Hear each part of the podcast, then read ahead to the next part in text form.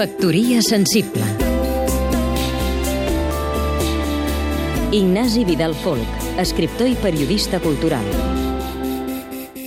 Aquest any els catalans hem estat sotmesos a una sobredosi de discursos, d'iniciatives estranyes, de conspiracions, de trampes i astúcies, de convocatòries i crides, de revelacions de frau, de desfilades maoistes... En fi, ha estat un any tan passat i estúpid que no m'ho crec.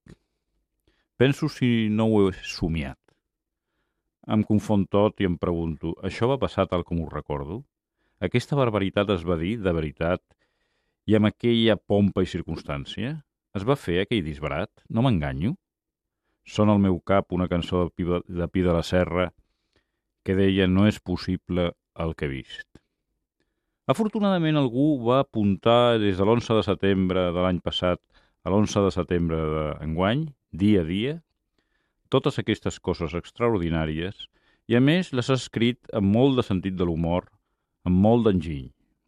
Parlo del veterà periodista barceloní Ramon d'Espanya, que publica una columna setmanal al Periòdico de Catalunya i una altra a la revista Interviu, i que l'any passat va esgotar quatre edicions del Manicomio català malgrat el silenci de cementiri amb què ho van rebre els nostres mitjans de formació de masses.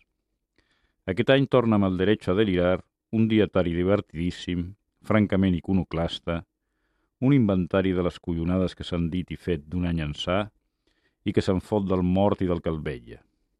I a més està escrit des d'una llibertat pràcticament suïcida.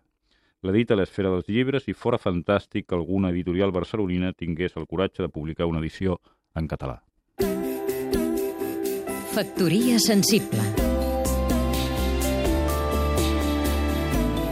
Seguim-nos també a catradio.cat.